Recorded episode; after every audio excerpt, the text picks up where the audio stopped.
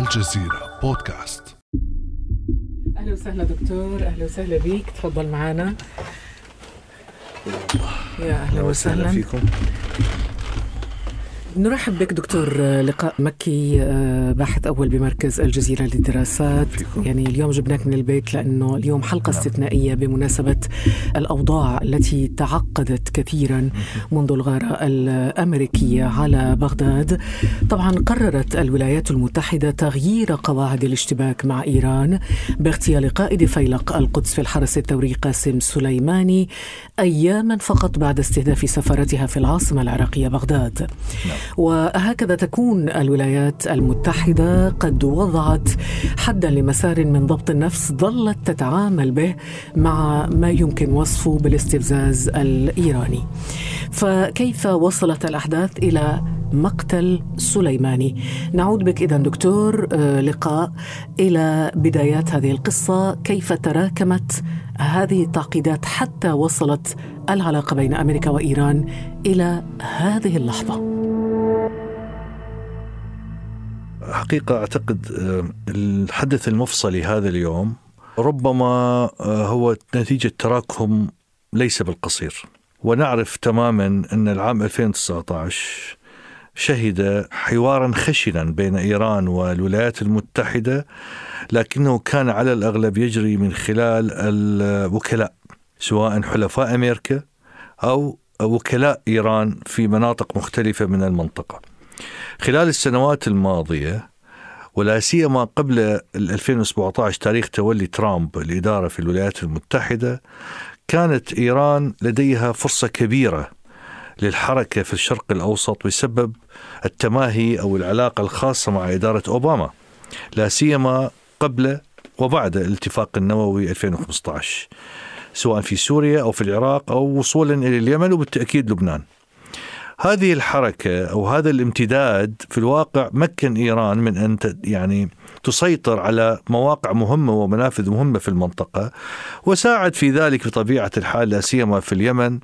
سياسة محددة في السعودية سمحت يعني للحوثيين بالامتداد والتمدد على حساب حزب الإصلاح في حينها ولكنها كانت في النتيجة لصالح إيران. ثم بدأت عملية الهجوم بما يسمى عاصفة الحزم للرد على الحوثيين ولكنها كانت يعني في سياق متأخر وما زالت مستمرة اليوم نعم. القصد أن آه، إدارة ترامب ورثت حقيقة ورثت مناخ جيوسياسي في المنطقة إيران هي المهيمنة فيه من سلم العراق لإيران؟ هو بالحقيقة إيران تمكنت من الاستحواذ على النفوذ في العراق آه، بالتسلل سواء من خلف الولايات المتحدة الغازية التي كانت تحتل العراق أو أمام عيونها ولكن كان هناك تخادم بين الولايات المتحدة وإيران إيران حتى قبل الغزو اتفقت من خلال خليج زاد أنا أتكلم عن مذكرات خليج زاد اتفقت مع الولايات المتحدة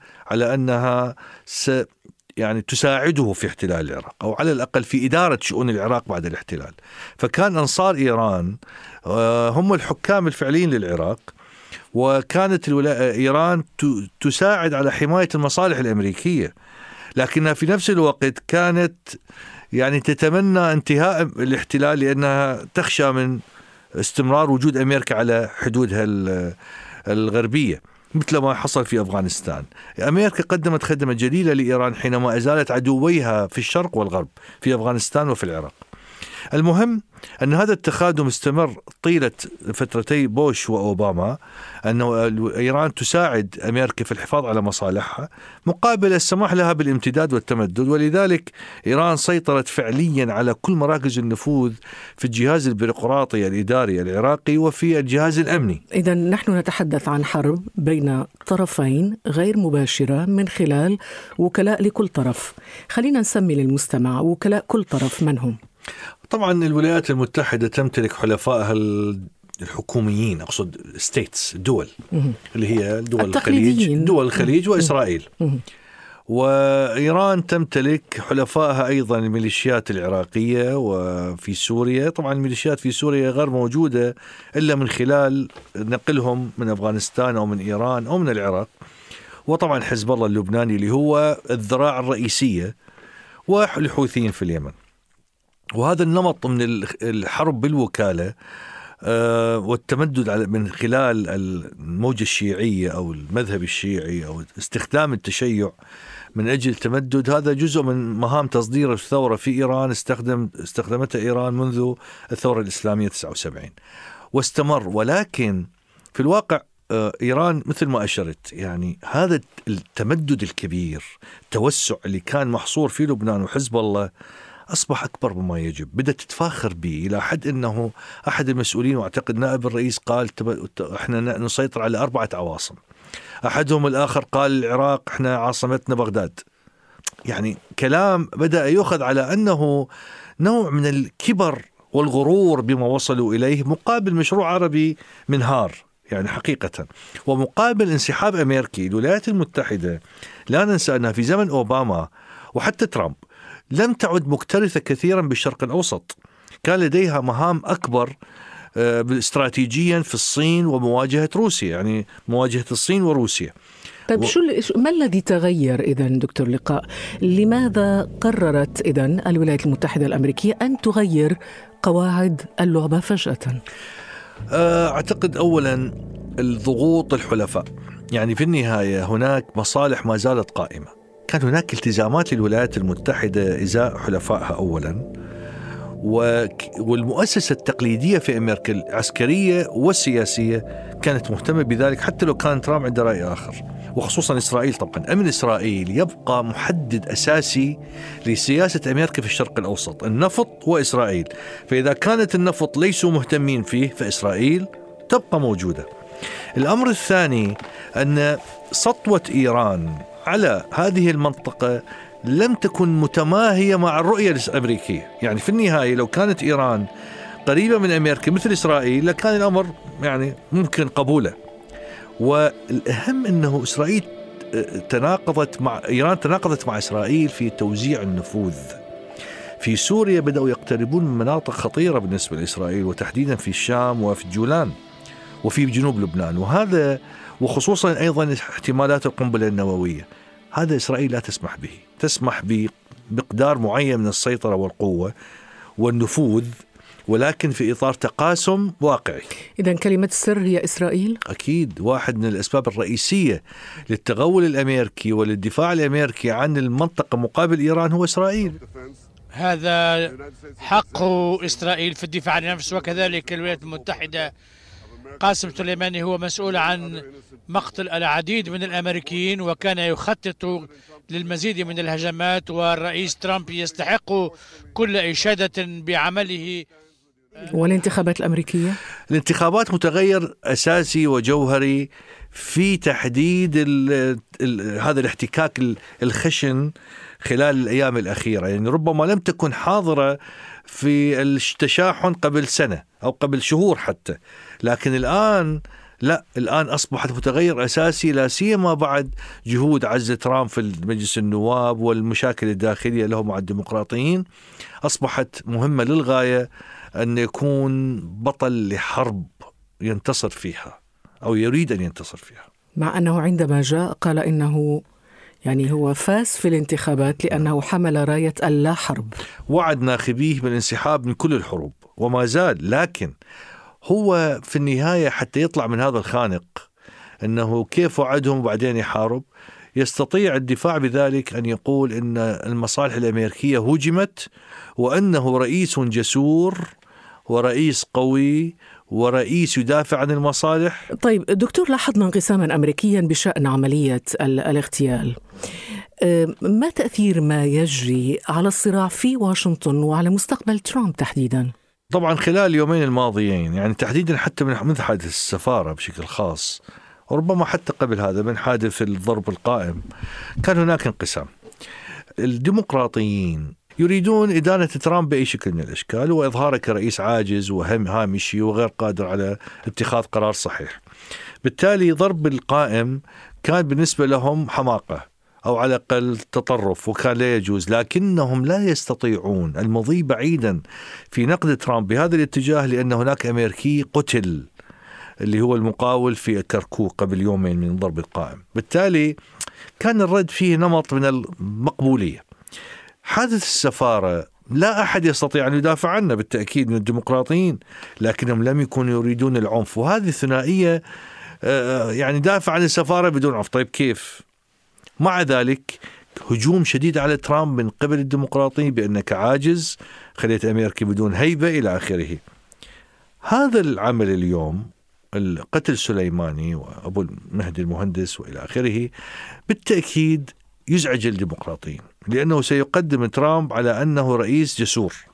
لكن آه، الآن في إطار المرحلة الانتخابية وبعد قضية العزل في في الكونغرس هو الآن يستطيع أن يقدم لنفسه هدية وللجمهوريين مثلما إيران أرادت أن تقدم هدية وهي؟ إلى اقتحام السفارة. اقتحام السفارة بدأ لوهلة وكأنه محاولة من إيران لإسقاط ترامب. برأيك دكتور يعني هل تعتقد أن إيران لم تكن تتخيل أو تتصور أن ردة الفعل على موضوع اقتحام السفارة الأمريكية في بغداد سيكون بهذا الحجم وهذا الثقل وهذه الخطورة؟ أه، أعتقد لم تكن تتخيل هذا النمط من الرد يعني ربما كانت تعتقد يعني أقصى ما يمكن أنه طيران أمريكي يقصف مقرات حزب الله العراق مثلا. يعني يضرب مقر بس يقتل سليمان أقصى شيء.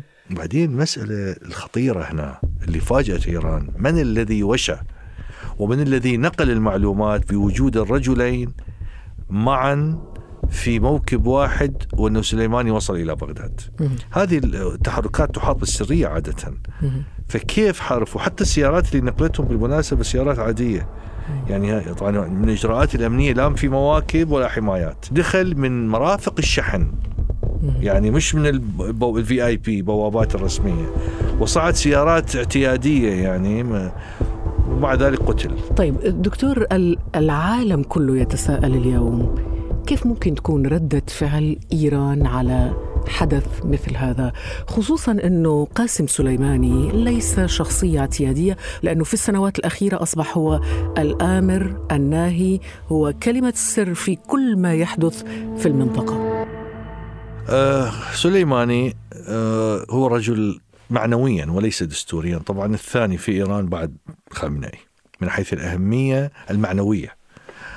وسليماني يعني, يعني معنويا هو أهم من الرئيس؟ أه نعم أهم وأهم من وزير الخارجية أهم, هو؟ أهم طبعا طبعا وزير الخارجية موظف يعني بالنهاية. آه والرئيس آه مثل رئيس وزراء هو حتى يعني لأنه الخامنئي هو صاحب القرار حسب الدستور. آه حقيقة إيران صنعت من سليماني رمز واجتهدت في صناعة هذا الرمز. brand لإيران. يعني ال brand انتهى. هذه قصة كبيرة. ولذلك الرد الإيراني يجب أن يكون متوافق مع حجم الخسارة. هذا الرد يجب أن يحصل مو فقط لإخافة الأعداء وإنما لدعم الأصدقاء والحلفاء. لأن حلفاء إيران ومريديها بما يسمى هم يسموه تيار المقاومة ينتظرون الرد حتى يحسون بأنهم أقوياء محترمين يعني. قبل والرد كيف يمكن الرد. إحنا قبل ما ندخل الاستوديو صدر بيان مجلس الأمن القومي الإيراني. مجلس الأمن القومي يقول بأن الانتقام آه، الإيراني آه، سيكون آه، انتقام ثقيل ومؤلم. الرد أنا أعتقد سيكون إيراني وليس من خلال وكلاء. يعني كما قال المرشد اليوم يعني واضح يعني ليس وعلني. عن طريق حزب الله ولا لا لا الحوثيين ولا سيشاركون فيه سيشاركون فيه. يعني ممكن حزب الله يضرب الحوثيين يضربون في وقت واحد. يعني هذه تخمينات. ولكن لنربط هذه التخمينات دكتور لقاء بتغريدة الرئيس الأمريكي دونالد ترامب اليوم التي قال فيها بما معناه أنه إيران شاطرة في المفاوضات ولكنها فاشلة في الحروب. نعم. هل يحمل تحمل هذه التغريدة لترامب ربما إجابة على السؤال الذي يطرح اليوم كيف سترد إيران؟ هو يعني هذا هذه التغريدة التي كررها أكثر من مرة بالمناسبة تعني أنه ذاهب للحرب. تعني أن إيران الفاشلة في الحرب سيحاربها ولا يفاوضها أعتقد أن الحرب شوفي الحرب إحنا الآن في خضام حرب أنا لا أعتقد أننا ننتظر حرب إحنا في خضام حرب وهذه الحرب ليست الآن حتى هي من شهور لكنها يعني حرب بطيئة. الآن ستتسارع والضربات ستكون أقوى وليس هناك مجال واحد. يعني العراق ليس فقط هو البيئة الوحيدة لحرب لبنان مهددة بشكل جدي وحقيقي. الخليج كله ودوله وأنا آه، يعني وطبعا آه، العراق وإيران بالتأكيد. يعني يعني المنطقة على كف. عفريت. سيناريوهات الحرب المتوقعة كانت في الصيف الآن أصبحت أمر واقع لأنه هذا الرد الإيراني راح يستتبع رد أمريكي وبعدين خلص يعني. الأمريكان ينتظرون فقط توصل حاملات الطائرات والأسلحة مالتهم توصل المنطقة. لأنه الآن خلاص يعني أعتقد طب في حاملات طائرات لا لا المزيد المزيد المزيد, المزيد, المزيد إحنا نتكلم عن حملة جوية ما هي الحرب إذا بدأت بشكل شامل هناك سيناريوهات عدة للحرب. ست أسابيع تستمر أو عشرة أيام أو ست ساعات. وفي كل واحد منها مدى تدميري معين. ستكون هناك حرب وجودية حقيقة. أنا أقول بصراحة هناك يعني حرب في المنطقة. والله خوفتنا دكتور. يعني أنا ما يعني هذا الواقع يعني, يعني هذا هذا لا أستطيع أن أتخيل شيء آخر. هذا أقصى السيناريوهات ربما تشاؤما ولكن قد تكون الأمور تبقى ربما في إطار تبادل الرسائل بالطريقة الجارية حاليا بين إيران والولايات المتحدة الأمريكية عن طريق العراق الذي تحول إلى صندوق بريد. العراق سابقا كان يقوم بهذا الدور. م. الآن ليس في وارد أن يكون حامل رسائل. أولا الطرفين في توتر شديد. ثانيا لا أحد يجرؤ في العراق اليوم أن يتعامل مع أمريكا لأن يقتلوه يعتبروه متواطئ مع الاحتلال. الآن هناك هياج يجعل أي شخص لا يدين العملية اليوم هو مع أمريكا لذلك آه، لا أعتقد أن هناك شيء اسمه إرسال رسائل ولا دول قريبة من الطرفين مثل عمان، قطر ممكن أن تقوم بوساطة. يعني أنت حتى ترجح المواجهة. أنا شخصيا أعتقد أن إيران سترد وهي وعدت بذلك والأمريكان سيردون على الرد يعني معتمدين على هذا ولذلك سيذهبون للحرب. إذا دكتور لا صوت يعلو على صوت المعركة على نعم. ما يبدو. يعني هذا ما يبدو للأسف. طبعا أنا أعرف مضار الحرب وكوارثها لكن المشكلة إنه إحنا أمامنا الصورة هذه يعني لا نستطيع أن نحلل تحليل رغائبي نتمنى أن يعم السلام صح حتى الحكمة أحيانا تقتضي القتال يعني عند الإيرانيين الآن قمة الحكمة أن تقاتل لأنه إذا أنت تهاونت لا هذا يعتبر يعني تفريط بكل منجزاتك خلال 40 سنة الماضية من 79 وإذا فاز ترامب هذه تخليه يفوز بالمناسبة. هدوء إيران يخلي ترامب ينتصر في حربه داخل المن... مع يعني مع خصومه بالداخل. وفوزه يعني كارثة لإيران لأربع سنوات قادمة. مع العقوبات الاقتصادية. شكرا جزيلا لك دكتور لقاء مكي. أهلا وسهلا شكرا, شكرا جزيلا لك أستاذ. شكرا. كان هذا بعد أمس.